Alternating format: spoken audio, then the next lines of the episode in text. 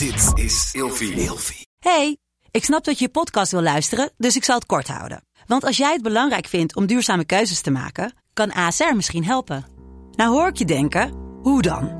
Nou, bijvoorbeeld bij het duurzaam herstellen van schade. Of de premies die we beleggen volgens ons duurzaam beleggingsbeleid. Dat bepaalt waar we wel en juist niet in investeren. Wil je meer weten over welke duurzame keuzes ASR maakt? Ga dan naar asr.nl slash duurzame keuzes. ASR doet het. Zo, dan kan je nu lekker naar je podcast luisteren.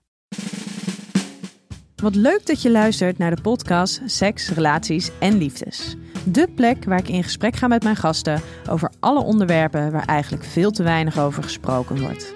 Dus luister, geniet en laat je vooral inspireren. Ja, welkom bij een nieuwe aflevering van Seks, Relaties en Liefdes. Met als gast niemand minder dan Steven Vrede. Jee, welkom. Dankjewel. Ja, mijn eh, collega. Yes. Alweer, uh, wat is het, zes jaar? Zes jaar. Zes jaar, ja. Uh, en tevens tv-ster als expert in Married at First Sight. Ja, dat stukje ster, dat maakt me een beetje op. Ik kom, ik kom in ieder geval op tv, laten we daarop bouwen. ja, heel goed, heel goed. Hey, jij hebt net het uh, tweede seizoen, is net begonnen. Ja. Eerste seizoen anders dan tweede seizoen? Ja. In wat voor opzicht? Uh, ik denk in alle opzichten wel. Ja, los dat je natuurlijk uh, ja, een nieuwe groep hebt met kandidaten. Goh, echt? Uh, zeker weten. Nou, ja. heel verrassend. Ehm, ja, maar voor mij ook zelf. Kijk, de eerste keer was voor mij ook helemaal nieuw. En de tweede keer dan weet je een beetje waar je, ja, wat je kan gaan verwachten. Um, en ik denk ook in de loop van het seizoen um, ga je denk ik ook best wel wat grote verschillen zien tussen het eerste seizoen en het huidige seizoen. ja, qua verloop, sowieso natuurlijk de dingen die er gebeuren. ja, en dat, dat spreekt me wel aan. Ja. Want vorige keer was het inderdaad heel erg toch een beetje last minute. De stress, het, de, de, de, de draaidagen. Hoe werkt dat allemaal? Hoe Ja. plan je dat in in je leven? Een boel. Ja, ja dat Ja. was eh, best wel wat. Ik had van tevoren niet verwacht dat het zoveel impact zou hebben. Nog los voor de, voor de uitzendingen zelf. Maar ja, wat ik zeg, de, de lange draaidagen, de, de veranderingen van, eh, van schema. Naar eh, niet buitenland. goed weten wat gaat gebeuren. Naar buitenland gaan. En eh, ja, dus eigenlijk de... Ja, de- ook al ben je niet op set, betekent niet dat eh, de, verhaallijnen stoppen en dat het experiment stilstaat. Dus dat betekent ook dat je ja, op de hoogte wordt gehouden door, door redactie, wat er gebeurt, wat er speelt. Nou, dat eh waren een intense paar, eh, paar weken. Ja, gek is dat eigenlijk. Hè? Dat als je eenmaal een aantal keer ehm, nou ja, tv-programma's hebt gemaakt of in, in afleveringen bent ge- ge- geweest op tv, krijg je een beetje een gevoel voor nou ja, hoeveel, hoeveel tijd daarin gaat zitten. Terwijl de kijker thuis, die, eh, ja, die ziet het eindproduct. Ja, En ja. die ziet dat, eh, nou ja, het is dagelijks toch voor jullie nu? Eh, Of- nee, de dinsdagen en de woensdagen. Oké, Eh, en dan verspreid eigenlijk over een eh, aantal weken. Oké, dus niet, niet dagelijks voor de kijker, maar wel, eh, eh, een, nou ja, het is, ze krijgen drie kwartier tot een uur. Ja. Ja, dat is wat ze zien. Terwijl als je kijkt hoeveel uren ehm, dat eigenlijk zijn, dat is ja, natuurlijk het is bizar. echt bizar. En dat is nog de, de, de opname zelf. Maar als je nog weet wat er nog aan de voorbereiding vooraf gaat. Qua productie en redactie. Voorbereiding tot het draaien. Daarna nog editen. Ja, het is echt bizar. Wat is Ja. eigenlijk intensiever? De voorbereidingsperiode met ook de screening van de gasten, moeten bedenken wat je allemaal gaat doen. Of het, nou ja, het draaien zelf van de dagen. Oeh, ehm, anders intensief. Zijn beide echt enorm intensief. Maar bij het, ja, het voortraject dan ben je natuurlijk heel veel aan het, aan het schakelen. Zowel van een stukje theorie naar praktijk. Maar ook aan het kijken van wat zijn nou de, de mogelijkheden in wat er gebeurt. En ook heel veel dingen die er veranderen. En eh, tijdens de opnames dan ja, moet je eigenlijk meegaan in de flow. En dan ja, is het toch wel makkelijker om gewoon in, in de rol te gaan zitten. Maar ja, er, er gebeurt zoveel. Dat, Ja. eh, Ja, hey, en waar wij het over ehm, ehm, gaan hebben, dat is eigenlijk ja, over datingprogramma's en dan met name dus Married at First Sight en hoe maakbaar de liefde eigenlijk is. Want ehm, waarbij ik vooral hoop op een interessant gesprek, want je weet hoe ik denk over Ja. datingprogramma's. ik, heb ik heb de artikelen voorbij zien komen. En ik weet ook dat je alleen deelneemt aan een programma als expert als je enigszins gelooft in het concept. Ehm, en daarbij komt natuurlijk dat je louter positief je mag uiten over het programma. Ja, maar daarnaast kan je natuurlijk wel. Ik ben wel vrij om natuurlijk kritisch te zijn op de dingen Ja. die kunnen veranderen. En ehm, ja, het is natuurlijk een ontwikkelingsproces. Het zou gek zijn als je dadelijk acht seizoenen hebt. En het eerste seizoen gebeurt alles hetzelfde als het achtste seizoen. Dat is denk ik ook niet de bedoeling. Dus ja, we staan natuurlijk gewoon wel open wat er, wat er verbeterd kan worden. Maar het is natuurlijk wel een bestaand concept. Ja. Dus het is in die zin niet een heel nieuw concept wat, wat, wat opgebouwd moet worden. En ik kan me voorstellen dat het, en dat, dat lijkt mij dus heel lastig, en waarschijnlijk maakt dat ook dat ik dus totaal niet geschikt daarvoor ben. Ehm, dat achter de schermen, dat dat de plek is om die kritiek te uiten tegen de mensen die daarover gaan. Ja. Maar als het voor de schermen wordt, dat het dan een ander verhaal wordt. Ja, maar ik denk dat de, de, de, de kanttekeningen die er zijn, uh, daar kunnen ook gewoon open over zijn. Want die zijn er ook gewoon. En alles um, ja, mag kritiek hebben en, en krijgen, zodat dingen ook beter kunnen worden. Feedback. Ja, feedback. feedback. Ja, maar soms is het ook gewoon kritiek. Weet je, soms is dat gewoon wat het is en niet alles kan mee worden genomen. En kijk, het is een, bestaat um, ja, concept wat er natuurlijk al is. Maar het is wel denk ik een beetje anders, want we hebben de reguliere versie, die dan op RTL wordt uitgezonden, de ja, reguliere Married at First Sight. En degene waar ik dan natuurlijk de rol heb, dat is uh, Married at First Sight Match Your Mistake, dan op Videoland. En het verschil is, uh, van die twee is dat je bij de versie waar ik in zit, die is gebaseerd op de Australische versie. Dus dat betekent dat je niet alleen maar een, ja, niet een individueel een traject hebt als koppel, maar daarnaast ook het groeps, uh, groepsexperiment hebt waar iedereen bij elkaar komt. En dat ja, geeft toch een hele andere impact en uiteindelijk een ander experiment dan de reguliere versie van, uh, van RTL 4. Want wat maakt dat het een ander experiment wordt? De, nou, wat het anders maakt is dat bij de, bij de reguliere dan ben je voornamelijk gericht op elkaar. Dan ga je het proces aan als koppel en daar ga je eigenlijk de weken, maanden ga je door. En bij die van Videoland, dan na een, een x-periode, dan kom je, komen alle koppels komen bij elkaar en gaan ook tegelijkertijd samenwonen in hetzelfde complex. En je gaat daarnaast ook op gezamenlijke groepsdate en je hebt veel meer gezamenlijke interactie. Dus dat hele sociale aspect, wat heel veel positieve effecten kan hebben, maar ook heel veel negatieve effecten op je, ja, eigenlijk je verse relatie. Ja, die komen ook allemaal terug. Ja, want je gedraag je in groepsverband altijd anders minder tijd en aandacht voor elkaar. Juist. Invloeden van andere mensen die je misschien wel mag of misschien ook niet mag. Ja. Um, is het al. Oh, oeh, dan mag nee, laat maar. Dat ga ik je niet vragen. Ik wil zeggen, is het ook al gebeurd dat er twee andere mensen bij elkaar eindigen? Ik weet, er is een, er is een programma Love is Blind, ook op Netflix te zien. En daar heb je natuurlijk, nee, is het concept. Uh, ze gaan de eerste fase, gaan ze, zien ze elkaar niet, maar worden ze gescheiden, de mannen en de vrouwen, door een mm. muur. En dan moeten ze elke keer updaten met elkaar, terwijl die muur ertussen zit. Dus je hebt hele gesprekken, je leert elkaar kennen. En dan hebben ze het idee, love is blind. Dus als je elkaar dan leert kennen zonder dat je elkaar ziet, nou, dat is dat is echte liefde. En dan vervolgens komen ze, mogen ze elkaar ontmoeten voor het eerst als, als de een de ander ten huwelijk vraagt of een aanzoek doet.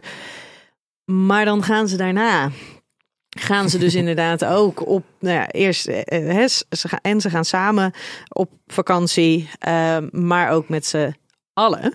Ja. En dan zie je ineens dat er onderling tussen de verschillende stellen ook dingen gaan gebeuren, niet gebeuren. Uh, is daar die ruimte ook bij? En misschien als je er niks over die, over, die, over die van jullie kan zeggen, dat snap ik. Maar bijvoorbeeld als je kijkt naar de Australische, is dat ook wat er waar je misschien ook wel een beetje op hoopt? Nou, ik denk niet zozeer op hoopt, maar er is wel veel ruimte um, dat er iets anders kan ontstaan. En niet zozeer dat we ze in een setting zetten en van nou, ga maar eens kijken of er iemand anders is dat, dat die bevalt.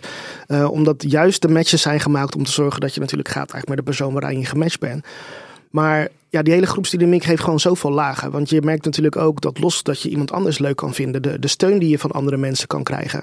Mensen die uh, misschien jouw aanstaande partner zien en daar heel positief over zijn. Nou, wat doet dat vervolgens met jouw proces?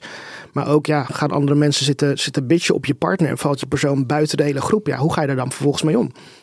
Um, dus er kan zoveel gebeuren door die hele groepsdynamiek. En dat zie je ook zeker in die Australische versies. Ja, het is gewoon heel, heel erg intens. Ja, ja, hey, en dan ben, dan ben ik dus ook nog benieuwd. En dit is dus ook weer heerlijk vanuit mijn. Ik, heb er, ik, ik vind er wat van. Mm um, jij was natuurlijk eigenlijk als seksuoloog gekoppeld aan het programma. Ja. Maar wat je nu bijvoorbeeld schrijft, gaat heel erg over systeemdynamiek, groepsdynamiek. Heeft seks niet zoveel mee te maken. In een programma als Married at First Sight heb je dan een seksuoloog nodig? Ja. ja, je gaat jezelf nog niet uit het volgende seizoen schrijven. nee, nee kijk, wat, uh, kijk, seks is breder, uh, is eigenlijk veel groter dan um, alleen maar het fysieke aspect. Uh, want het is zowel seks, maar ook het stukje intimiteit.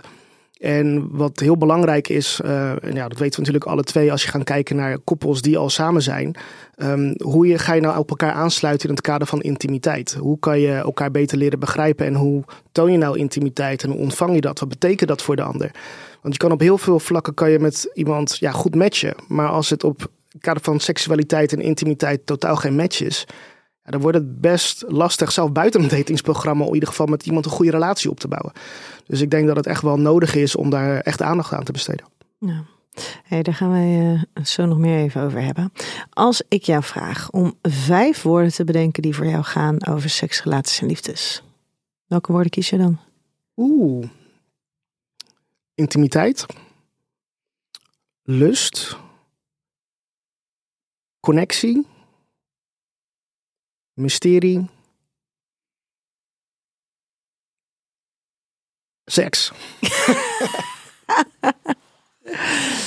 Zie jij verschil tussen uh, wie jij bent als privépersoon in die dingen, in, in de seks, in relaties, in liefde, en wie jij bent als therapeut? Of het nou is in een programma of voor je cliënten? Mm, er is een verschil, maar dat is ook wel een gigantische overlap. Ik denk dat uh, wat voor mij heel erg belangrijk is, is dat wanneer ik iets doe, dat het vanuit mezelf komt en dat ik uh, authentiek ben. En dat is voor mij door dicht bij mezelf te blijven. En um, ja, privé in het kader van intimiteit, seksrelaties, ben ik daar heel erg uh, open in en vrij. Ik kan er makkelijk over praten. Ik hou niet zozeer van het woord ruimdenkend, maar ja, veel dingen ontdekt, ervaren en, en ook onderzocht. En dat is wel heel fijn als je dat mee kan nemen als therapeut zodat er dan weinig thema's zijn of situaties zijn die heel erg taboe zijn of niet bespreekbaar kunnen zijn. Uh, en dat komt denk ik wel heel erg goed bij elkaar. Ja. En als er dus iemand dan is die tegenover jou zit die, um, die die vrijheid niet ervaart. En dan bedoel ik niet eens die vrijheid in um, enorm uitdenkend zijn, maar überhaupt de vrijheid mm -hmm. om, om oké okay te mogen zijn met seks. Ja. Wat, wat doet dat dan met jou? Um, het geeft me eigenlijk een stukje een drive. Niet zozeer om het uit iemand te trekken, maar ik uh, gun iedereen een bepaald stukje ontwikkeling op elke facet in hun leven. Van het persoonlijk, emotioneel, maar ook zeker qua seksualiteit en intimiteit. En dan wanneer mensen eenmaal ja, in de spreekkamer komen, dan hebben ze al een bepaalde behoefte. Dus dat scheelt ook wel, denk ik. Um, om over die thema's te spreken, als ze daar ook een hulpvraag in hebben. En dan denk ik dat het um, met de tijd als zij er voldoende open voor staan, dat het wel komt. En ik denk dat gewoon geduld ook een belangrijke is. Want je moet niet over iemands grenzen heen gaan. Maar wel kijken waar liggen de behoeftes van iemand. En heeft iemand behoeftes om daarin uh, te groeien of te verdiepen. Ja, dan uh, kunnen we zeker wat uh, gaan, gaan doen tijdens de sessies. Heb, heb jij echt het idee dat als mensen komen dat ze dan behoefte hebben om over seks te praten? Sommigen best wel. Sommigen. Maar voornamelijk verandering teweeg te brengen. En dat is het denk ik. En uh, omdat even communiceren, verbaal, het beste middel is wat we dan hebben in de therapie. Ja, dan is het soms nodig om het erover te hebben. En heel veel mensen vinden het lastiger om het uh, gesprek met henzelf aan te gaan over die thema's. Laat staan met iemand anders die ze nog niet kennen. Dus het is zwaar uit hun comfortzone voor velen. Uh, maar dat betekent niet dat het ze niet helpt in dat hele proces. Ja, waarbij je vaak ook nog best wel wat tijd bezig bent met überhaupt de woorden vinden ja. voor wat ja. het dan ook is wat ja. ze voelen en ervaren. Als ze überhaupt bij dat stukje kunnen komen wat ze voelen. Ja. En dat is denk ik al een hele uitdaging uh, voor velen. Ja, en dat vinden soms heel lastig. Hè? Dan komen ze en dan denken ze, ik heb een seksuele hulpvraag. Alsjeblieft, dit is hem. Ja. Um, en die lijkt dan voor hun heel duidelijk. Of dan denk je van, oh, ik ga erheen en hebben een paar gesprekken en dan, dan is het opgelost. En dan in die gesprekken kom je daar inderdaad achter, oh ja, maar je, je, je, je kan dan niet eens de woorden vinden. Er zit zo'n, um, bijvoorbeeld schaamte is een heel groot thema. Of je, hey, je hebt helemaal geen contact met je eigen ja. gevoelsbeleving. Of er komen op relationeel vlak komen er allemaal lagen naar voren. Ja. En dan zitten ze ineens, in plaats van, hey, ik kom met een seksuologische hulpvraag en dit gaat het antwoord zijn.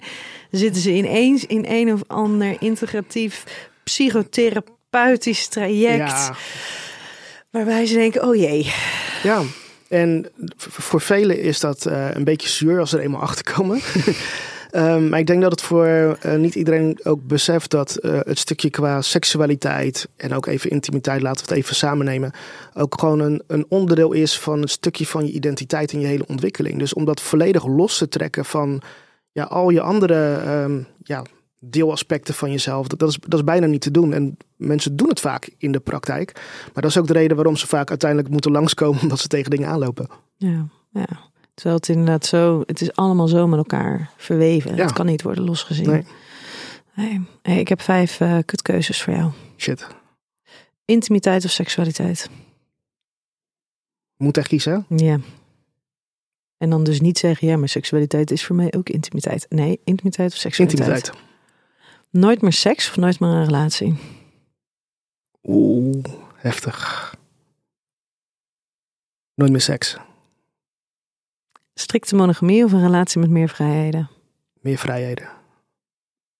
Verleiden met woorden of verleiden met bewegen? Bewegen. Porno kijken of erotische verhalen lezen? Porno kijken. ja. Ja, die verleiden met bewegen. Oh, ik weet nog wel echt. Toen op, de, de, de op, die bruiloft, uh, wat was het? Uh, dat is dan ook zes jaar geleden. Ja. Oh, toen zag ik jou met je, met je ex-vriendin um, dansen. En toen stond ik met Ramon en ik zei: Moet je kijken, dit is toch, dit is toch niet normaal? ja, ik vind, ik vind het heerlijk om, um, om lichaam te laten spreken, ja. te, te, laten uiten in de plaats van. Ja, en de rest van de zaal jaloers te maken wow, ik, ik zat lekker in mijn eigen wereld, denk ik. Of in, in elkaars wereld. Uh, maar dat is denk ik lekker, hoe je gewoon lekker in elkaar op kan gaan. En dan hoeft het ja, nog niet eens seksueel te zijn, maar gewoon connectie aan te gaan en op elkaar af te stemmen. Lekker gek te doen. Ja, daar maak je maar blij mee. Ja. Ja, nee, dat was echt. Oh, ik vond het zo mooi. Het zag er zo mooi uit. Wij moesten ook nog een keer gaan salsa dansen. Oh, dat, nou ja, de... we, we, hebben een soort van quasi in de, in de silent disco. ja, silent disco was dat, ja. Oh, oké. Hey, um, de stellingen. Ja? En ik zit hier niet om vrienden te maken hierover, ja? Oké. Oeh, oké. Nee, het valt mee. Ja. Um, niks wat je niet al uh, wist van mij. Je kan de liefde van je leven vinden op basis van vragenlijsten. Ja, technisch kan het, ja. ja, als je, als, als je me vraagt een ja of nee, moet ik ze, moet ik ze toelichten? Nou, de, de, het is een ja of nee, maar daarna met de toelichting, ja. Oké.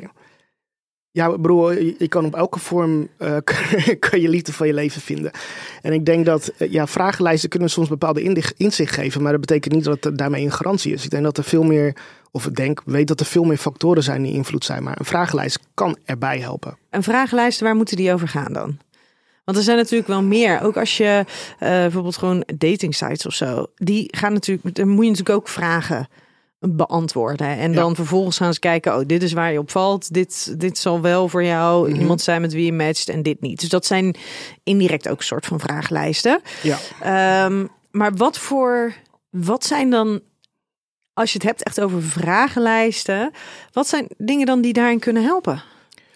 Nou, eh, er kunnen vragenlijsten zijn over uh, seksualiteit, over intimiteit, maar ook een stukje persoonlijkheden. En dat betekent niet per definitie dat de ene persoonlijkheid nooit kan matchen met de ander. Maar ik denk dat bepaalde mensen wel bepaalde behoeftes hebben.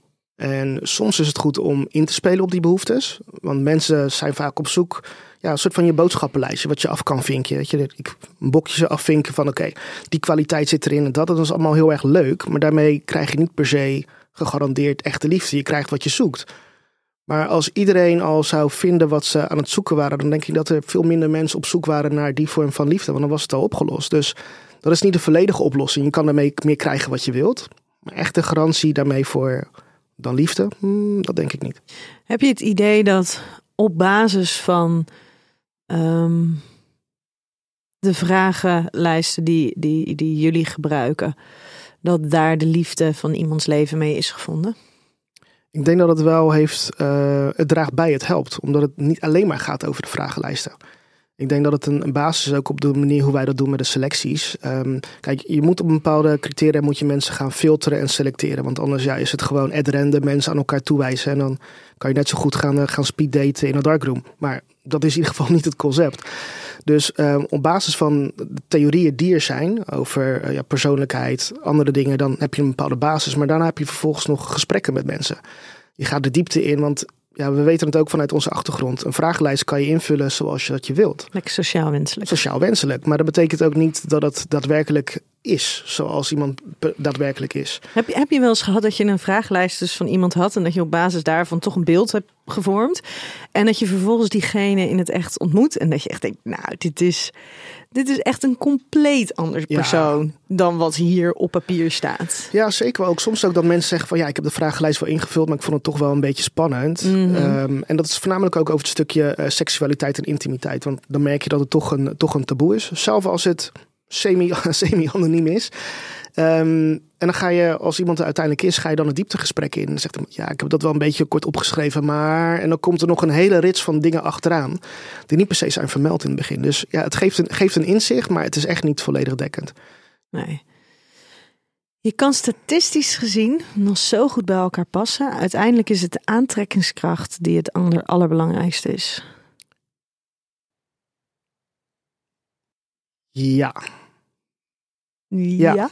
Ja, ik denk zeg maar het, het goed bij elkaar passen, uh, in ieder geval in mijn beleving, uh, vergroot de kans, of in ieder geval daarmee de hoop dat je ook die aantrekking gaat ervaren. Maar dat is wel waar je natuurlijk wil voldoen. Je wil met iemand kunnen, kunnen connecten op een bepaalde manier. Um, en dat is denk ik wel het belangrijkste. Daar ben je uiteindelijk naar op zoek.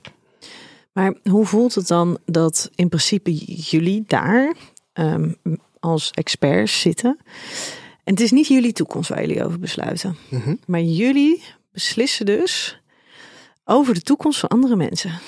Nou, niet volledig. Ze hebben natuurlijk behoorlijke vrijheid. Uh, zelf wanneer je voor het altaar staat, ben je volledig vrij om nee te zeggen. Ja, nou, hoe dan, vrij ben ja, je dan? Nou, maar ook verder in het experiment, je gaat iets aan. En het is niet alleen maar de match die je maakt. Maar, en dat is denk ik ook wat je in het huidige uh, seizoen heel erg gaat zien. Is, um, elk persoon heeft zijn eigen persoonlijke verhaal waarom ze zich überhaupt hebben aangemeld. Waar ze ja, best wel vaak tegenaan lopen in andere relaties. En ik denk dat de kunst is ook van dit programma is dat naast dat je op de best mogelijke manier gematcht wordt, dat je ook met je eigen dingen aan de slag gaat in, dit, in deze setting. Want het is niet alleen maar we hebben een perfecte match, dus uh, zoek het maar uit. Vervolgens um, ga je 24-7 uh, een hele lange periode met iemand ja, samen zijn die je nog niet kent, waarin je jezelf moet gaan leren blootgeven. Maar hoe ga je daar vervolgens mee om? In een, zonder dat je in contact bent met familie en vrienden. Je hoeft niet bezig te zijn, te zijn met werk, allerlei andere dagelijkse facetten. Dus het zorgt er bijna voor dat je in een situatie terechtkomt die je anders ook niet hebt. Want het is een sociaal experiment. Dus het matching element, dat is één van de elementen. En daarnaast zijn er nog andere factoren. Dat je ja, de groepsdynamiek hebt. Dat je gesprekken aan kan gaan met ja, de verschillende experts over bepaalde thema's. En dat bij elkaar moet ervoor zorgen dat de kans vergroot dat je bij elkaar blijft. Maar is dat niet onwijs um, kwetsbaar dan? Want mensen moeten dus in dat programma met zichzelf aan de slag ook. Mm -hmm. Juist de dingen waar ze in andere relaties tegenaan lopen of liepen, daarvan wil je dus um, wees je ervan bewust en ga daar nu op een andere manier mm -hmm. mee om. De ander rent niet gelijk weg, dus je hebt de tijd even om daarmee ja. aan het werk te gaan. Maar het is natuurlijk wel onder toeziend oog van honderdduizenden mensen ja. die meekijken. En die kijken achteraf. Kijk, wanneer je in het experiment zit, natuurlijk is er crew omheen en zijn de camera's. Maar we zitten niet in een Big Brother huis dat alles 24-7 wordt vastgelegd. Het is zoveel mogelijk, maar je hebt ruimte zowel voor de camera's als achter de camera's om ja, jezelf te kunnen zijn. Maar hoe jij jezelf neerzet, ja, dat heb je niet als expert in ieder geval die, die invloed op. Dus je krijgt de ruimte om, uh, om jezelf te zijn, jezelf te leren ontdekken, tegen dingen aan te lopen, maar er ook van te kunnen leren en het dan vervolgens weer toe te passen. Ja, maar daarvan vraag ik me dus echt af, en dat vind ik heel lastig met, mm. met al, allemaal van dit soort programma's. Hè? Jij, jij weet ook, um, er komen mensen die komen. Nou ja, in dit, soort, in, in dit geval zijn er dus kleine hulpvraagjes. Ja. ja, want ze tenminste of aandachtsgebieden of ja. uh, ze weten, oh, dit is iets waar ik tegenaan loop. Dit wil ik in ieder geval anders doen. Of hey, dit, uh, uh, dit, dit vind ik moeilijk. Dit maakt me kwetsbaar. Mm -hmm. Maar jij weet donders goed. Um, cliënten, mensen kunnen niet altijd overzien wat de impact gaat zijn van eh, bepaalde processen die ze aangaan, van dingen die er gezegd worden dan door anderen. Hè? Dat je bijvoorbeeld eens een keer tegen iets zegt: Goh, heb je eh, iemand gezegd van hey, heb je hier wel eens over nagedacht? En dat hun hele wereld ineens stort. Want nee, daar hebben ze nog nooit over nagedacht. Maar dat is vrij essentieel misschien. Ja. Dus daarin kan je niet voorspellen, dit is hoe het gaat lopen. Ehm, naar je cliënten toe, daar heb je nou, zoveel als mogelijk. Maar goed, als de sessie voorbij is, laat je ze ook weer gaan. Eh, een soort van de ruimte om ze te beschermen. Mhm. eh, en ze in de raad te houden. En ze komen weer bij je terug. En... Maar het maakt ze heel kwetsbaar. En Ja. het is onwijs onvoorspelbaar. En dat is vaak juist ook zo mooi met van dat soort processen. Zeker als mensen echt, echt ermee aan de gang gaan. Maar als dat dan is voor, voor de camera, voor al die mensen. ehm, je kan wel zeggen, ja, ze hebben zelf de keuze, ze mogen zelf dingen doen. Maar dat is natuurlijk niet zo zwart-wit. Want ze zitten in dat programma, ze hebben zich ergens voor opgegeven. Er is een wens, er is een verlangen. Mhm. Ehm, ze weten, oh ja, als ik hierna op, nou ja, dat weten ze eigenlijk niet. Nee, ze denken het te weten, maar ze weten niet de impact ervan. Als dit programma voorbij is, dan komen mensen me ook nog eens tegen op straat. Ja. Dus daar moet ik ook een soort van op anticiperen. Ehm, dat is zoveel. Het is heel veel. Dat is zoveel. Dus gewoon even als mens zijn. Is het, is het echt verantwoord om, om dat, soort, dat soort ontwikkelingen, hoe mooi het ook klinkt, te verlangen van mensen? Of op deze manier bloot te geven. En dan heb ik het ook over programma's die gaan over verslavingsproblematiek, eetproblematiek. ehm, weet je, al dat soort Ja. programma's. Ik, ik denk dat het lastige is wat je zegt, dat stukje met, met kwetsbaarheid. Ehm, kijk, het is kwetsbaar, maar het is niet per se dat ehm, mensen daarna aan hun lot worden overgelaten. En ik denk naar alles wat je kijkt. Ik bedoel, het is natuurlijk wel een vorm van entertainment. Hè? Als je kijkt naar de dingen Maar moet die je op- dat dus willen? Nee, maar als je gaat kijken, eh, be- bewijs van elk ander eh, talentenprogramma wat je Ja. hebt. Mensen zijn op zoek naar een bepaalde vorm van, van kwetsbaarheid. Om dat te zien op televisie, ook om zich daarmee te kunnen identificeren en daarmee te kunnen connecten. Dus ik denk dat de meeste programma's die je ziet op televisie een bepaalde vorm van kwetsbaarheid nodig hebben om een connectie aan te gaan. En nu gaat het dan over ja, thema's als, als liefdes en relaties. Maar ik denk dat het in heel veel tv-programma's terugkomt. Ja, En ehm, ik snap ook wel eh, de zorgen die je hebt. Hè? Dat snap ik ook heel goed. En ik zie natuurlijk nu wat er ehm, uit wordt gezonden qua, qua afleveringen. Maar ik zie dus nu ook veel beter wat er achter de schermen gebeurt. En ook als ik dan heb even over de ontwikkelingen tussen eerste seizoen en tweede seizoen. Achter de schermen wordt er gigantisch veel eh, werk verricht eh, om daar zoveel mogelijk verandering in te brengen. Dat mensen ehm, voor, tijdens en ook een lange periode daarna gewoon echt de, de, ja, de mogelijkheid hebben om bij mensen aan te kloppen. En dat ze dat niet alleen maar ja, hoeven te smeken en te vragen, maar dat er gewoon echt bovenop zit. Niet alleen maar met de protocollen. Eh, maar dat ze echt de ruimte hebben om zowel op camera, maar ook achter de schermen eh, echt met hun thema's aan de slag te kunnen gaan. Dus ja, die zorgen die je hebt, snap ik. Maar bij mij wordt dat steeds minder, omdat ik gewoon zie in ieder geval een programma waar ik dan nu onderdeel van ben, dat ze daar Mhm. gewoon op een hele, voor mij zorgvuldige manier mee omgaan. ja. En echt openstaan eh voor de feedback. En eh, ja, het is jammer dat we nu nog niet inhoudelijk kunnen hebben over het tweede seizoen. Ehm, maar ik denk dat er. Ik weet dat er een aantal dingen gaan gebeuren. ehm, waar waarschijnlijk als we pauze hebben op werk. je even bij me op terugkomt. En dat je zegt: ja, maar Steven, hoe is dat nou? eh, hoe, hoe kunnen jullie deze keuzes hebben gemaakt? Wat is er nou uiteindelijk gebeurd? En ik kan nu wel, eh, los dat het natuurlijk nog niet ehm ehm, op air is gekomen. Ehm, dat ik nu wel weet hoe even de, de beslissingen zijn geweest achter de schermen. Dat ik daar gewoon veel meer vertrouwen in heb. En ook wel kan zeggen van nou, we staan achter deze en deze keuze.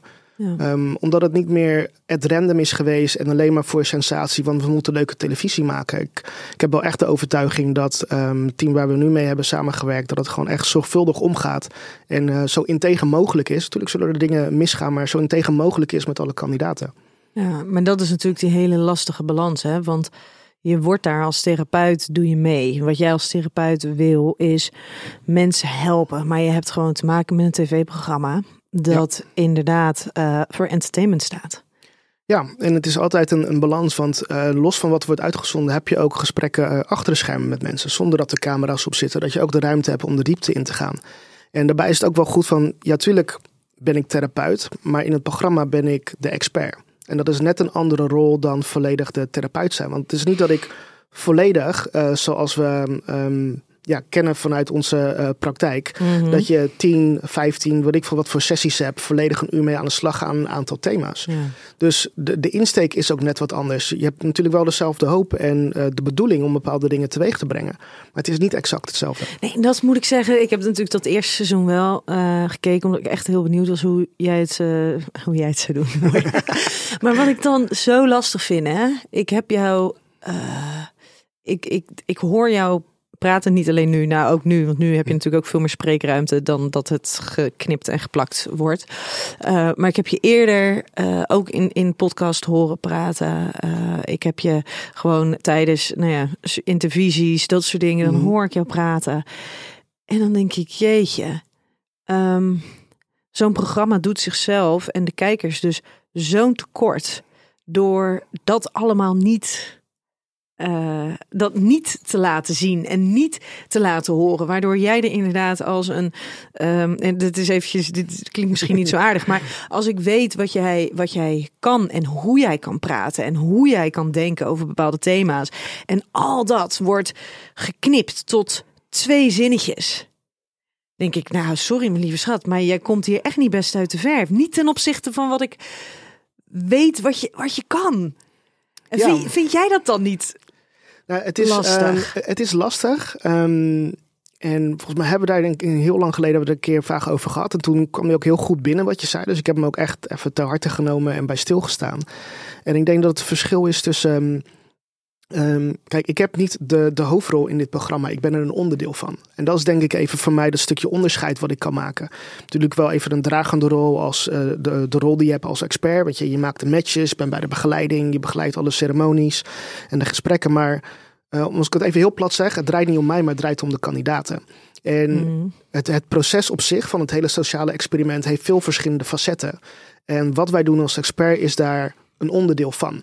En ja, tuurlijk vind ik het soms jammer, want dan zie je gewoon, heb je een geweldig gesprek gehad en dan komen er enkele zinnen uit. Maar ik weet ook, dit heeft in totaal, wat even uit mijn hoofd, misschien 15, 16 afleveringen. Maar één gesprek met één kandidaat van een uur, dat is al langer dan één hele aflevering. Dus ik snap gewoon in de hele context dat het niet anders kan. Maar wat ik wel hoop inderdaad is dat um, ook door de rol die je hebt, zoals nu, dat je zulke gesprekken aan kan gaan en dan ook verder de diepte in kan gaan. Maar ja, ik heb wel niet, niet zozeer van ik heb geaccepteerd met heel veel moeite dat je geen rol hebt. Uh, er komen ook hele mooie dingen uiteindelijk uit. Alleen ja, we weten gewoon aan de achterkant, niet alleen van een televisieprogramma, maar ook zeker in een spreekkamer. Ja, daar kan je volledig de diepte in gaan. Maar ja, dan moet het gewoon een ander programma zijn. Waar het volledig gaat op de therapie, uh, het ontwikkelsproces en uh, daar volledig voor gaan. Zou je dan um, een soort van kunnen stellen dat, dat de toegevoegde waarde van die, die jij dan hebt binnen dat programma, dus eigenlijk veel meer achter de schermen um, is dan voor de schermen? Nou, ik denk dat het wel um, beide is. En uh, toevallig, uh, nu, nu zijn net de eerste paar afleveringen ja. zijn geweest. En ik denk dat er wel een, een verschil is tussen. Um, kijk, ik, ben, ik sta er niet altijd bij stil van uh, wat voor impact ik of mijn collega's maken voor ja, heel veel mensen die er gewoon naar kijken. En uh, toevallig deze week, en dan kreeg ik gewoon, ja, eigenlijk at random, dan krijg je in je inbox krijg je berichten van mensen. Sorry. En er was iemand die stuurde me eigenlijk een heel lang bericht dat ze zei van nou, normaal kijk ik helemaal niet naar dat soort programma's, maar mijn collega was aan het kijken en ik moest even meekomen. En die geeft dan eigenlijk aan dat in die hele korte momenten, die voor mij, zoals wat we benoemen eigenlijk, dat lijkt op de oppervlakte, dat het zoveel impact maakt hoe iemand vertelt over intimiteit en seksualiteit en het belang daarvan is en hoe het teweeg gaat. Dat iemand helemaal geïnspireerd raakt en denkt van, ik wil een opleiding gaan doen in die richting. Dan denk ik, maar op basis van dat kleine stukje. Ja. Dus zeg maar, ik heb denk ik een, een vertekend beeld, of misschien wij vanuit uh, therapeutenachtergrond, uh, wat die verandering teweeg zou moeten brengen bij mensen en hoe graag we de diepte in willen gaan. Want de ja. diepte voor uh, collega-therapeuten is denk, je hebt denk ik een andere behoefte in het kader van heel veel mensen die kijken omdat ze gewoon het programma willen zien. En daarin dan heel veel mooie dingen meekrijgen. Ja, nou, misschien is dat ook wel zo hoor. Dat wij daarin gewoon een te eigenlijk een heel ander referentiekader hebben. En misschien dan ook dus wel te veel eisend zijn in wat, um, wat we van onszelf verwachten. Ja. En wat je wil meegeven. Ik weet nog wel dat ik, ik stond op Zwarte Cross en het was chaos. Denk twee, 250 alleen maar dronken mensen. In mijn beleving alleen maar dronken mensen. En ik had een half uur spreektijd en ik was vooral een soort van gefocust. Oké, laat je niet afleiden. Laat je niet afleiden. Ga gewoon adem in, adem uit. Speel af en toe grappig in op grapjes die we gemaakt. Maar ik dacht echt, nou, dit is Heftig. zo niks, niks overeen, zeg maar, overgekomen van waar wat ik verwachtte van mezelf. Ja. En dat er dan inderdaad toch drie, vier mensen zijn die zeggen, nou, jeetje. Ja. Dit was zo, dit was zo goed. Of dit maakte zoveel Impact. impact. En Ja. je, oh ja, maar misschien zijn het die paar mensen die net datgene moeten horen. Ook al is het een hele gefilterde versie van wat je allemaal je in je, ja, en wat je Ja. allemaal in je petto hebt, zeg maar. Wat je Ja. allemaal wil En, overbrengen. en dat is het lastige, ik denk inderdaad, omdat we zo'n drang hebben vanuit ja, wie we zijn als persoon, als therapeut, dat we weet je, die niet alleen die kennis en die inzichten willen delen. En ja, misschien is het 5% en dan hebben we 100 te geven, maar die, die 5% die we kunnen geven op zo'n podium. Er zijn mensen geweest die nooit misschien in een openbare ruimte hebben geluisterd naar iets wat te maken had met seks, want het was veel te heftig en intens. Maar doordat ze dat kunnen delen met de buurman of de buurvrouw waarmee ze naast zitten, of daarna thuis het gesprek aan kunnen gaan. Ja, dat brengt iets eh, teweeg waar we helemaal niet bij stilstaan. Nee, eigenlijk is dat ook Ehm, en dat is wel hè? heel erg. Ja, het is ook wel zonde, maar ik het ook heel mooi eh, dat het al gewoon gebeurt. Dat, dat absoluut. Maar dat vind ik wel af en toe zonde dat je dat dus niet, eh, niet altijd meekrijgt. En niet omdat het eh ego-strelend is. Want daar zit natuurlijk ook tijd, hè, dat therapeuten daarvan zeggen ze ook tijd dat ze iets narcistisch hebben. Omdat ze Ja. het altijd beter weten dan de ander. Ehm, in ieder geval beter weten dan degene die ze willen helpen. Dus dat is altijd iets fijns. Maar het is, het is, eh, het is zo fijn en mooi als je bij andere mensen iets ziet gebeuren. Wat het ook is. Hoe klein het ook is. Ja. Ja. Ja, natuurlijk is dat heel mooi, want we, kijk, we, we hopen op een stukje eh, verandering. Ehm, of dat nou door inzicht komt, of confrontatie, of, of welke vorm dan ook. Maar misschien ook het, het vertrouwen hebben dat wanneer we doen wat we doen en de thema's gewoon eh, bespreekbaar zijn. Dat, dat is al bijna een doel op zich. Ja. Ehm, dat mensen zwarte cross zijn geweest en daarna thuis kunnen vertellen. Weet je wat ik heb allemaal heb gehoord. Ja, En als, ze allerlei dingen gaan bestellen, gaan bes maar überhaupt dat ze daarna mee het gesprek aangaan met een partner, wat ze misschien tien jaar al niet hebben gedaan. Nou, dat, eh, Ja. dat, dat is denk ik ook al eh, waar we het voor kunnen doen. Ik zal erover nadenken. hey, de volgende. Ehm, door de adrenaline die je voelt als je voor het eerst je toekomstige partner ontmoet, zorg je ervoor dat je onbedoeld meer tot elkaar aangetrokken voelt. Ehm, niet onbedoeld, je gaat die aantrekking voelen. Punt. Maar ja, het is niet dat we daarna gelijk de camera stoppen en het is afgelopen. Dus daarna moet je eigenlijk ook voor eh, gaan zorgen dat wanneer die heftige adrenalinekick eh is uitgewerkt, dat je nog steeds een manier gaat vinden om te connecten met elkaar. En of hetgeen wat je dan bij het altaar ziet, of terug kan halen, eh, omdat het een juiste basis heeft. Ja, want dat is interessant, hè? Want adrenaline zorgt er dus voor dat je je meer tot elkaar verbonden Ja. voelt. Dus als je bijvoorbeeld een date hebt, dan Ga is één. Precies, dat Doe zijn het. ook van die Ja. tips. Van, nou, doe dingen waardoor je lekker hoog in je adrenaline zit. Want dan voel je je meer tot elkaar aangetrokken. Ja. Maar het kan natuurlijk ook ontzettend eh, misleidend zijn. Want en iedereen heeft adrenaline als ze daar staan, weet je. Maar ook de familie, de vrienden. waarschijnlijk het. jullie als experts ook nog van jeetje, dit is het moment waar we dus dat al maanden komt. Ja. ja, naar uitkijken. Dus wat gebeurt er? En er staan ook nog die camera's erbij. En Ja. dus er gebeurt van alles. Je staat stijf van die adrenaline. Je denkt, je ziet die ander en denkt, ja, superleuk, super fijn. En dan vervolgens Ja. zakt die adrenaline rush in. Nou, ik denk dat het met het instakken misschien nog wel een, be- een beetje meevalt. Want ze De gaan daarna gaan ze, op, eh, gaan ze vervolgens op, op huwelijksreis. Ehm, en wat je daarna krijgt is dat je eh, ja, natuurlijk op dates gaat met elkaar. Je bent bezig. Dus er zijn wel verschillende momenten dat je eh, bijna een beetje dat gevoel wat je kan hebben wanneer je op vakantie gaat. Zoals vroeger. En je krijgt een vakantieliefde en alles klopt. Van de zon schijnt. En dan, ja, een, een soort gelijk. Er wordt wel een ideale setting natuurlijk eh, gecreëerd. Ehm, ja, en dat moet ook de, de nodige dingen losmaken. Ja, maar voor in die, eh, eh, in die tijd daartussen zijn ze toch al even naar hun eigen... Ja, Ja, precies. Dus daar is wel natuurlijk op Nou, niet dat ze dat, naar huis gaan. Hè. Ze blijven wel even in, in de setting. Ze blijven met elkaar. voordat ze... Op huwelijksreis gaan. Op huwelijksreis gaan. Na het huwelijk dan hebben ze een huwelijksnacht samen in het Ja. hotel. En vanuit daar gaan ze door naar het vliegveld. Dus ze gaan niet meer terug naar hun eigen omgeving. Ehm, na het huwelijk hebben ze nog wel een ceremonie met weet je, alle, alle gasten die er zijn. Je gaat, je gaat eten, net als het allemaal bij een uh, trouwerij hoort. Maar daarna heb je dus uh, huwelijksnacht en daarna ga je dus door naar de huwelijksbestemming. Ja, want en is er in, in jullie format ook de mogelijkheid om te zeggen: ik ga niet op huwelijksreis? Uh, nee, dat is het onderdeel ervan. Dat ja, oké, okay, maar dat is natuurlijk bij, bij de andere. Precies, dat is natuurlijk bij RTL is dat wel zo. Dat er dus wel, want daarom zei ik ook van ja, in mm. hoeverre kan je nee zeggen als je voor dat altaar staat. Um, ja. Maar daar is natuurlijk, dat kan ik me herinneren, volgens mij van twee seizoenen geleden of zo, dat een van diegenen dus wel zei van ja, maar ik ga dus niet op huwelijksreis. Ja, kijk, er kan heel veel gebeuren natuurlijk en dan na dat moment. ook apart. Nou, kijk, van die RTL weet ik het niet exact, ook okay, van de vorige ja. seizoenen. Maar um, kijk, wat het wel zo is, en daar bereiden we ook iedereen echt op voor, al bij de voorgesprekken, of je nou wel bij de laatste ronde zal zitten of niet. Um, iedereen heeft een beeld in hoofd van hun ideale partner. En die hoop je dat die daar staat um, aan het altaar.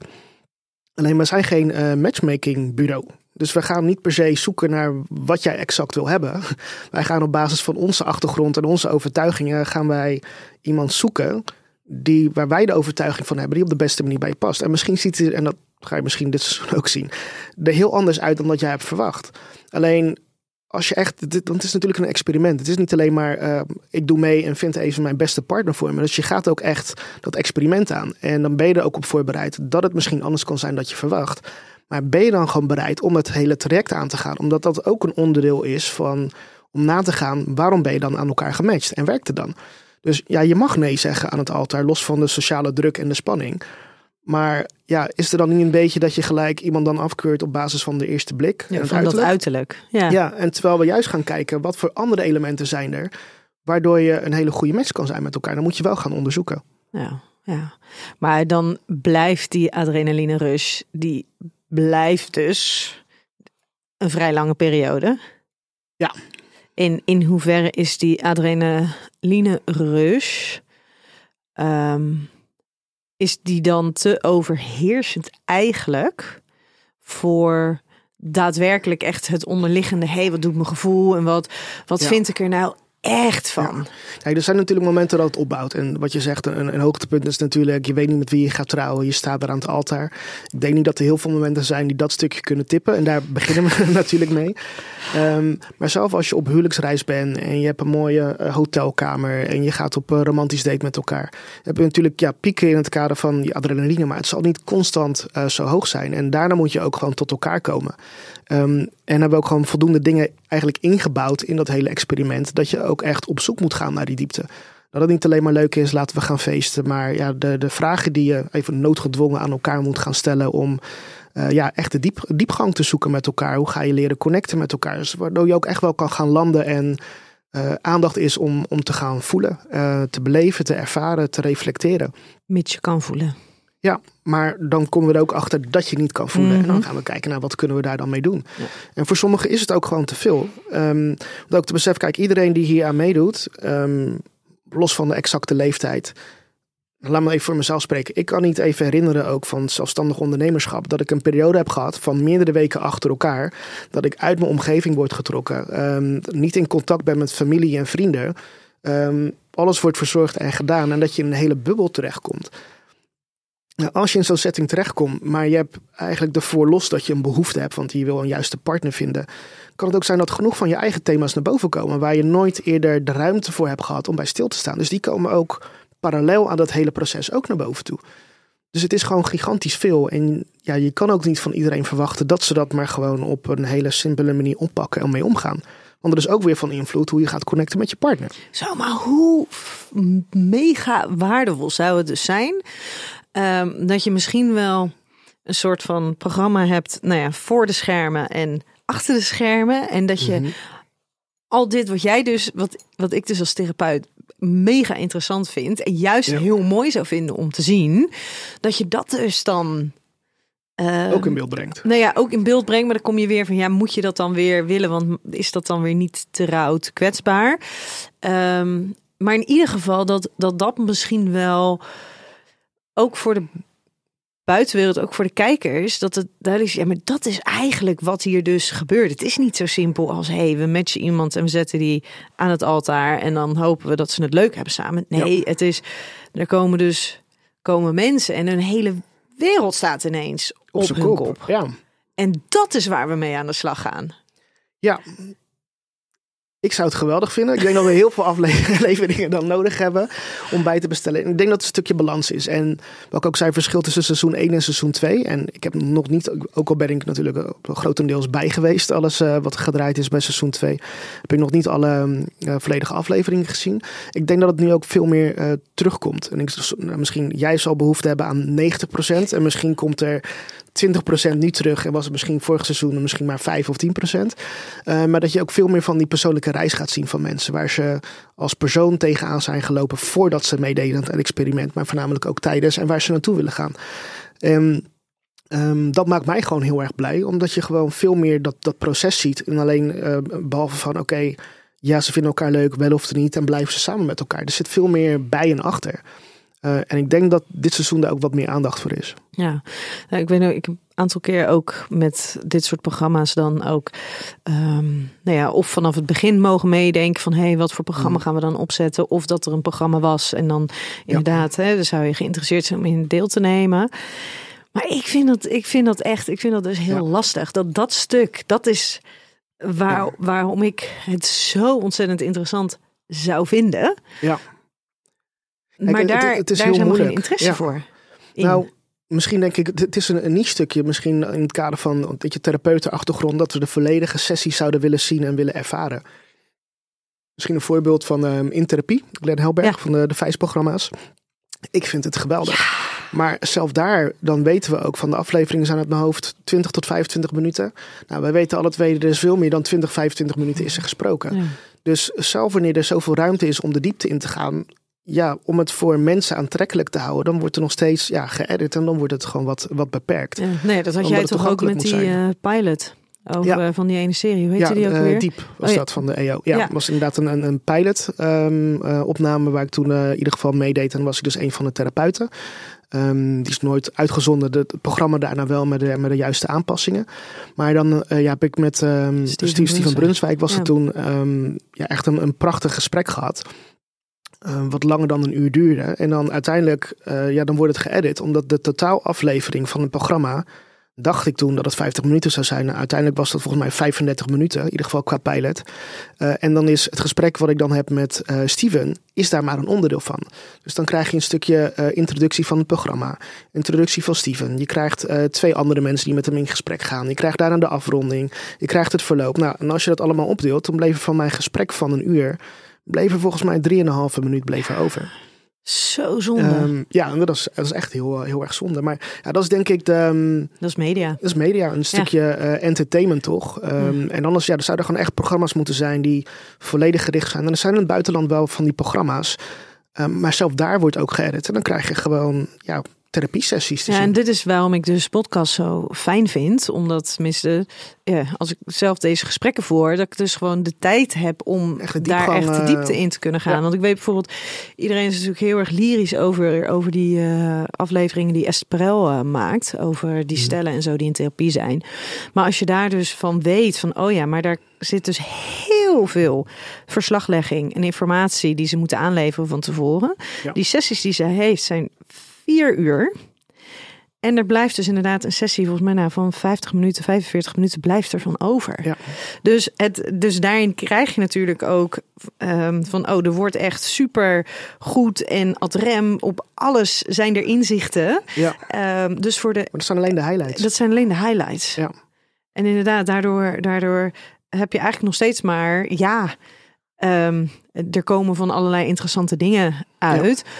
Maar er gaat zoveel meer aan, aan ja, vooraf. En, dat, en ik denk dat als het gewoon heel uh, helder moeten zijn, want we gewoon alle twee meten van een stukje media. Het is niet goed, het is niet slecht. Het is gewoon wat het is. Want ja. um, het dient voor een grote groep mensen aantrekkelijk te zijn.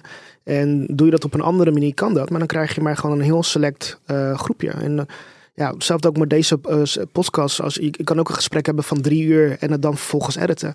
Nou, waarschijnlijk is een gesprek dan stukken dynamischer, maar dat is niet juist wat je wil brengen. Dus Nee. door je eigen platform te creëren, dan kan je dat doen op de manier die je, die je zelf wilt. En dat is gewoon super fijn. En een volgende stelling voor jou. Yes. deze ben ik oprecht heel benieuwd hoe dat werkt. Ehm, als het echte liefde is, kan je de camera's en productiemensen om je heen vergeten. Oeh. Ja, het kan. Maar dat betekent niet, ja, bedoel, al, dat is leuk met stellingen. Ik in plaats van het niet zo moeilijk doen, alles, uh, alles kan. Um, ja, ik denk dat wanneer er wat uh, is tussen mensen en je ziet een bepaalde chemie en uh, een, een, dynamiek met mensen, dan ga je dat natuurlijk op camera ga je dat terugzien. Maar ja, natuurlijk is het een, een andere setting. Kijk, wanneer je zelf met je partner op de bank bent en je kijkt televisie, Um, is het een andere vorm van intimiteit en openheid dan wanneer je met z'n twee op de bank zit en toevallig heb je net een verjaardagsfeestje en zitten er twintig andere mensen om je heen die je ook heel goed kent en vertrouwt. Het is niet hetzelfde. Dus ja, je zou het nooit kunnen zeggen dat het één op één uh, te vergelijken is. Maar ik denk dat wanneer mensen iets um, echt authentieks ontwikkelen met elkaar, een band is en een dynamiek, ga je dat zeker wel terugzien op beeld. Alleen, ja, je kan niet constant aanstaan. Nee, en zie, zie jij dan ook wel eens dat mensen voor de camera en achter de camera toch wel echt andere personen zijn. En niet omdat ze zich bewust zijn. Ik moet een ander, ander persoon zijn. Ik moet een andere rol aannemen. Maar gewoon ja. omdat um, wij kunnen een gesprek voeren. Mm -hmm. En ja, hier staan nu allemaal camera's om ons heen. Maar ja. dat zijn stilstaande camera's. En weet je, dat is... Uh, ik, ik ben daar inmiddels aan gewend. En mm -hmm. dat maakt me niet zoveel uit. Maar ik weet dat toen ze er aan het begin stonden, was ik continu was ik me bewust van: oké, okay, maar hoe, hoe kom ik over? Wat, wat gebeurt er? Ja. Terwijl als jij en ik gewoon een gesprek aan het voeren zijn, ja. Is het wat relaxter? Is het, is het anders? Ja. Nou ja, dat klopt ook. En ik denk dat het misschien het verschil daarin is. Ik denk dat de kandidaten voornamelijk in het begin daar heel veel mee bezig zijn. Maar omdat je, ja, dat woord ga je waarschijnlijk heel vaak horen, dat vaak hebben, het is een snelkookpan. Dus op een gegeven moment zit je zo in die bubbel met elkaar als kandidaten. Dat op een gegeven moment, ja, natuurlijk weet je dat de camera's er zijn. En is een verschil tussen wanneer de camera's aanstaan en uitstaan. Maar op een gegeven moment kost het veel meer moeite om je anders voor te doen op de camera, bewust of onbewust, dan gewoon uiteindelijk jezelf te zijn. En de een persoon is er wat vrijer in dan de ander. Maar omdat het op een gegeven moment langer duurt, ja, op een gegeven moment dan ga je gewoon doen wat je aan het doen bent. Misschien, kijk, zou je tien minuten wat filmen, ja, dan kan je dat wat makkelijker omhoog houden. Maar ja, zet die camera maar drie uur lang achter elkaar aan. Ja. Uh, terwijl je in een fijne setting bent, met mensen om je heen die in hetzelfde schuitje zitten. En nou, op een gegeven moment ga je gewoon praten. En dan op een gegeven moment, op een gegeven moment vergeet je dat de camera's er zijn. Of misschien niet de camera's, maar wel dat je een microfoon aanstaat. ja, ik vond ook laatst, we hebben dan B&B uh, uh, van Liefde gekeken. En er waren ook een paar scènes. En toen dacht ik, oké, okay, maar jij ligt hier dus nu in uh, bed. Of je loopt hier nu dat. Die, was, volgens mij was het in de camper dat ze, dat ze liepen. Ik denk, oh ja, maar er staat dus nu in die kleine camper. Terwijl jij in bed ligt, staat er dus een cameraman naast ja. je. En dit is de eerste keer dat jullie samen naast elkaar wakker worden. Of een van de eerste keren. En dan staat er zo'n camera. Ja. En hoe dan dat. En dan wordt er gezegd, oh, nou, laten we er maar uitgaan. ja, maar je, je weet gewoon dat dat toch een soort van dan ongemakkelijk is. Je weet, oh ja, die mensen die liggen daar en die zijn dus aan het wachten tot ze eruit moeten. En dat moeten ze natuurlijk mogelijk laten lijken. Maar ja, er staat wel een cameraploeg. Ja. De, dus dat, dat lijkt me tegelijkertijd, ook al is het authentiek dat ze daar liggen um, en dat ze samen wakker zijn geworden. Maar... Ja. Ja, daar zou je echt verborgen camera's neer moeten ja. zetten. En uh, een beetje Big Brother modus en dat soort stukjes. Maar dan snap ik wel dat je ze vergeet. Maar als die camera gewoon echt volle bakkes op je bakken staat. Ja, um, blijkbaar gaat het niet bij allemaal, maar op een gegeven moment met de tijd dan scheelt het wel. Ik denk natuurlijk dat er wel een verschil is zo'n scène als dat je net wakker wordt uit bed. Maar wanneer je aan het dineren bent met een hele groep en de camera's staan natuurlijk niet op twee meter afstand, maar die kunnen natuurlijk wat inzoomen, wat grotere afstand erbij. En ja, op een gegeven moment kan je het een beetje afsluiten en dan ja, misschien let je op de eerste paar keer uh, en daarna ga je gewoon lekker kletsen en doe je wat je aan het doen bent. Dus hoe zou jij dat, hoe zou, hoe zou jij het ervaren? Niet als expert, maar als, als deelnemer, als persoon. Als deelnemer aan het programma bedoel je? Ja, bijvoorbeeld. Aan, of aan een programma waarbij er dus voortdurend die camera's zijn. Ik zou het wel lastig vinden. Omdat ik wel weet, natuurlijk, ja, alles wordt geregistreerd en gedaan. Maar ik denk wel dat, um, kijk, hoe dichter je bij jezelf uiteindelijk blijft, des te makkelijker uiteindelijk wordt. En ik denk dat het best moeilijk wordt als je je op een bepaalde manier wil laten overkomen. Want dan moet je ja, constant iets ophouden. Maar als je op een gegeven moment gewoon jezelf bent, en jezelf blijft, ja, hoeveel hoef je dan ook anders te doen? En misschien ben je er begin wat bewuster van. Maar op een gegeven moment denk ik dat het wel, uh, dat het wel wegvalt. Net zoals jij nu minder last hebt van die camera's die uh, staan. Omdat je op een gegeven moment raak je er gewoon een beetje gewend aan. Ja, maar ze staan stil. En ik Ja. weet dat er niet zoveel met het beeld gedaan wordt. Dat scheelt, dat scheelt er ook. Maar dat is een stukje controle, hè? Controle ja, vasthouden. precies. Ehm, nee, de laatste eh, stelling. Deelname aan een datingprogramma vergroot de kans op het vinden van de liefde niet en maakt de teleurstelling alleen maar groter als je de liefde niet vindt. Nee, Want? we hadden twee achter elkaar, hè? Twee vragen in één. Oké, daar doen we eerst. Ja, maar ik wil ze wel allebei Ja, doen. Deelname aan een datingprogramma vergroot de kans op het vinden van de liefde niet. Ehm, oh, nou, dan, dat het vergroot het wel. Oh, even nog een keer. Vraag opnieuw. Oké, deelname Ja. aan een datingprogramma vergroot de kans op het vinden van de liefde niet. Niet. Het vergroot het wel. Hoezo? Nou, je gaat iets doen in een andere setting dan dat je gewend bent. ehm, waardoor er een kans is dat je iemand vindt eh, die bij je aansluit. Het is geen garantie. Maar eh, bro, als je thuis blijft zitten op de bank, gebeurt er niks. Nee. Dus ja, het vergroot de kans dat je meedoet. En het, Ten ehm, opzichte van thuis op de bank zitten. Ja, maar ook, kijk, de, de meeste mensen die eraan meedoen, die hebben natuurlijk al voldoende geprobeerd. Er waarschijnlijk de verschillende apps gehad, bezig geweest. Je hebt je netwerk om je heen van via via. Maar op het moment dat zij zich aanmelden, zijn ze en vrijgezel, waarschijnlijk wat langer vrijgezel. En hebben ze de dingen die ze daarvoor al deden, heeft in ieder geval tot op dat moment niet het juiste eh, succes opgeleverd. Dus ja, dan ben ik altijd een persoon, net zoals je in het begin zei, hoe ben ik Steven als persoon? Dan denk ik altijd, ja, ga dan iets anders doen dan dat je gewend bent. En dan is zo'n zo'n programma ideaal. Maar gaat ideaal of een optie? Nou, ideaal om iets anders te doen dan dat je gewend bent. Dat is lekker uit Ja. je comfortzone. Ehm, Maar is dan, gaat het dan om doe mee aan een datingprogramma en daarmee vergroot je de kans op het vinden van, een, van de liefde? Of zeg je dan doe iets anders dan wat je normaal doet, zodat je nieuwe mensen. Ontmoet, er open voor staat. Ehm, nou ja, en, en dat, je, dat je echt het idee hebt van, oh ja, maar ik ga me er wel even aan committeren en ik haak niet direct af. Ehm, beide. Ik denk dat het belangrijkste is, want ehm, het anders doen en je ergens aan committeren, dat is denk ik waar mensen in deze tijd sowieso moeite mee hebben. Eh, omdat er zoveel andere dingen beschikbaar zijn. Dus ja, je gaat maar makkelijk of doorswipen of, of wat anders doen. En ik denk dat je die insteek je goed op weg kan helpen om een ander resultaat te krijgen. Met of zonder een programma. Dus dat denk ik dat het sowieso nodig is. Daarnaast heb je met een programma is, en ik kan natuurlijk niet voor alle formats spreken en dingen die er zijn, want die ken ik niet allemaal. Maar dat in elk van die programma's een element moet zijn waardoor het anders is dan dat je gewend bent. Of dat nou de selectie is of de wijze is wanneer je eh, de persoon gaat leren kennen. Zoals wat je zegt, Love is Blind, is dat er schermen tussen zitten en alleen maar gesprekken aan kan gaan. Ehm, ik denk bij alle keren is er iets wat het anders maakt en wat het nieuw maakt. En hopelijk ook jezelf op een andere manier leert kennen.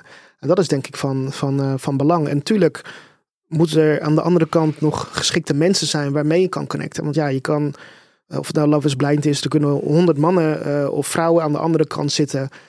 waardoor de kans groter moet zijn. Maar als er niemand iemand bij zit die überhaupt gewoon bij je past, met of zonder vragenlijst, maar gewoon van mens tot mens, ja, dan kan je blijven zitten. Maar dan gaat het ook niet per se werken. Maar je gaat wel iets anders doen. Ja, ik moet zeggen, ik vind dat Love is Blind. Ik ben dus helemaal niet zo heel erg van de ehm, datingprogramma's. Maar ik vind Love is Blind vind ik wel leuk. Omdat je daar dus echt eh, al van alles ziet groeien en ontstaan. Zonder dat die mensen elkaar ooit hebben gezien. Want het is inderdaad, je zit niet aan een tafeltje met een scherm ertussen. Nee, het zijn twee kamer. rijen. Het zijn eigenlijk Ja. twee rijen met kamers. En die worden gescheiden door, ehm, nou ja, door inderdaad Ja, doorlaatbare wanden. Ehm, en daar zitten ze dus inderdaad een aantal weken. En zijn ze dus continu in gesprek. En ze mogen dingen organiseren. En ze voeren super ehm, intieme en kwetsbare gesprekken die ze eerder nog Ja. niet hebben gevoerd. En dat vind ik wel echt Ja. heel erg mooi. En ik vind het dus ook heel bijzonder om te zien dat mensen dan van alles kunnen voelen. En vervolgens dan zien ze elkaar. Eh, en die eerste keer dat ze elkaar zien is vaak gewoon de ontlading van oh eindelijk. Ja. En dan daarna zie je ook al gebeuren eh, van oh ja, maar nu ga ik dus ook het uiterlijk. En het is toch niet helemaal. Ja. Maar wat ik dan ook heel vaak heel mooi vind, is dat ze een soort van reflecteren op zichzelf en een soort van schrikken van zichzelf van oh ja, maar Dit is hoe ze het altijd al deden. dit Dat, is hoe we het eh, altijd al ja. deden. En ik voelde zoveel voor dezegene, voor deze persoon. Ja. Hoe kan dat dan dat dat ineens er niet meer zou toe, toe zou doen als diegene fysiek gezien niet mijn eerste keuze zou zijn? Ja. En dat vind ik wel Maar dat, heel mooi. Het is heel mooi en ehm, helemaal als iemand die inzichten echt krijgt. Maar ook om te beseffen met hoeveel factoren we rekening moeten houden. Want, want blijkbaar zouden we even het, uiterlijk eh, opzij zetten. Is het in die kunstmatige setting, en dat is ook belangrijk, dat is ook een experiment, heel erg geschikt. Want dan heb- ervaar je die connectie en die verbinding. Maar blijkbaar is dat dan toch niet alles. Zelf wanneer je al connected met iemand kan voelen. En sommigen die, en dan moet je elkaar volgens mij ten huwelijk vragen. ja, een van de ook? Twee. eh, Ja. Ja, de ander moet ja zeggen en dan ga je dat proces verder aan. Ehm, dus als we zeggen, hey, die verbinding is er al. ehm, is dat toch blijkbaar niet alles. Want dan krijg je toch? een stukje een uiterlijk element. Ja. Maar wat je daarna ook krijgt, is van oké, in deze kunstmatige setting, en dat zie je dus ook bij, eh bij Married at First Sight, er is nog maar een bepaalde setting. Maar hoe ga je dat doen in de normale wereld? Ja. En dat is altijd het onderdeel, denk ik, van het experiment zijn. Daarom is het een experiment. Het is een kunstmatige setting. Eh, met bepaalde voorwaarden om het iets zo ideaal mogelijk te doen. Of bepaalde dingen uit te sluiten of juist toe te voegen. Ehm, maar in hoeverre is dat toe te passen in het oude leven wat je al had? Met de Ja. juiste de, de standaard opvattingen die je al hebt. Het patroon wat je hebt. De mensen die je ziet. De sociale kring. Ja, laat het daar maar eens in passen. Nou, en, wat, en daarin, dat vind ik ook wel, want jullie format is natuurlijk ehm, vanuit Australië afkomstig. Love is Blind is in Amerika. Ik weet niet of het ergens anders ook is gedaan hoor. Maar ehm, Nederland is natuurlijk relatief klein land. Ja. Als je dan zien hoe dat gaat in dat bijvoorbeeld Love is Blind, dat ze er op een gegeven moment, dan moeten ze natuurlijk ook de keus gaan maken van oké, maar waar, als we naar de toekomst kijken, waar gaan we wonen? En dat er dus mensen gewoon eh 1200 kilometer verderop wonen. Ja.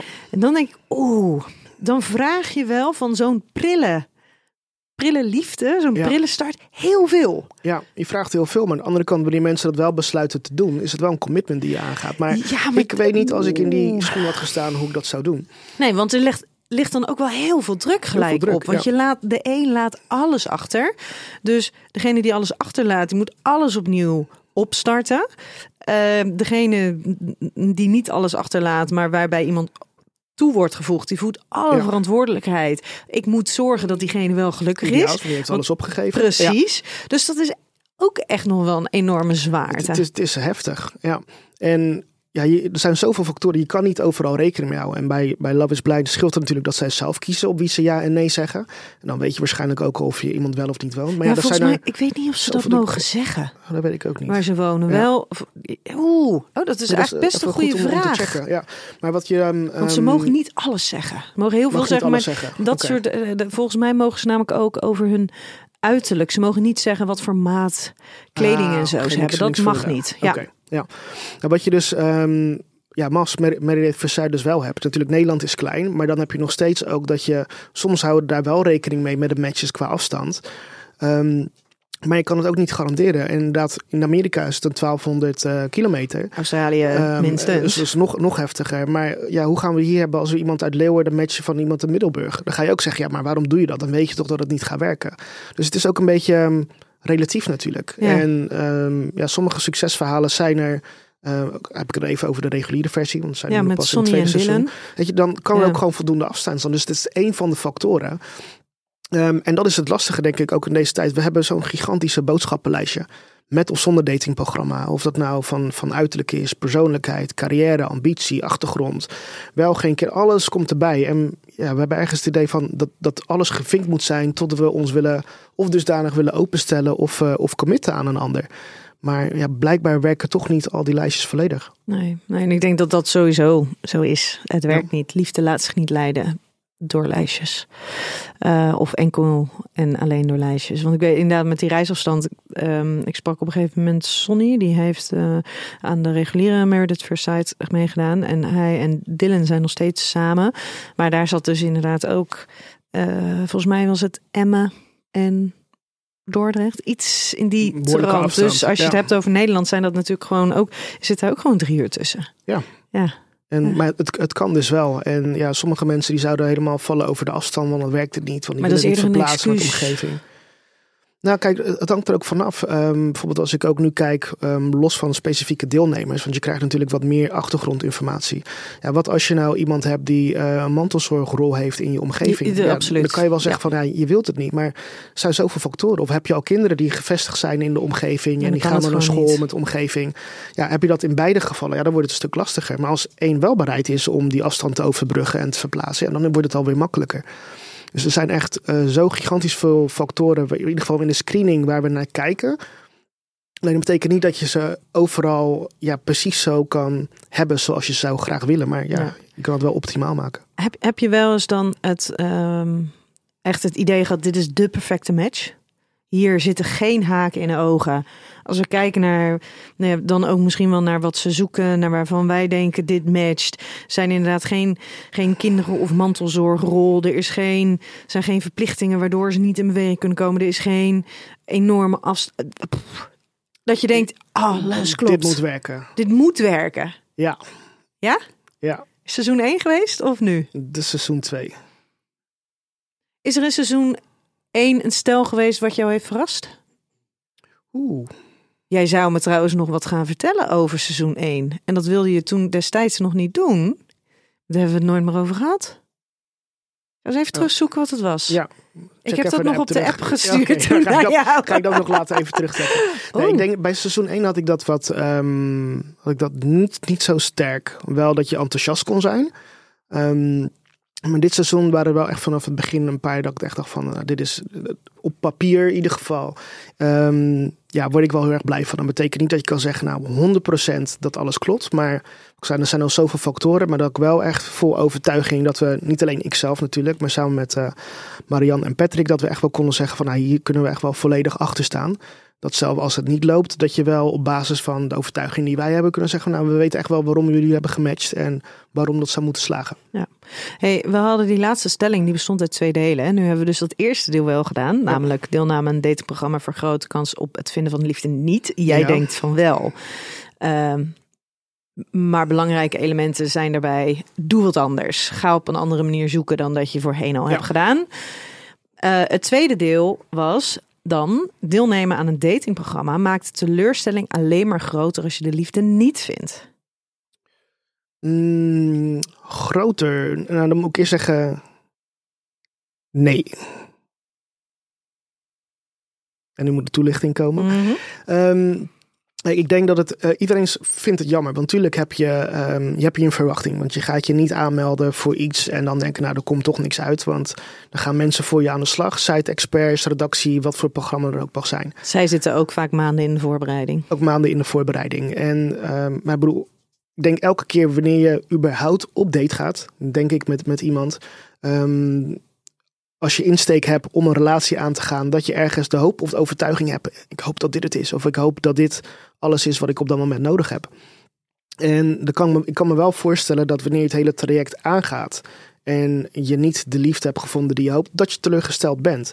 Maar ik denk omdat het proces zo uh, lang is, dat ook wel inzicht krijgt waarom het dan ook niet werkt.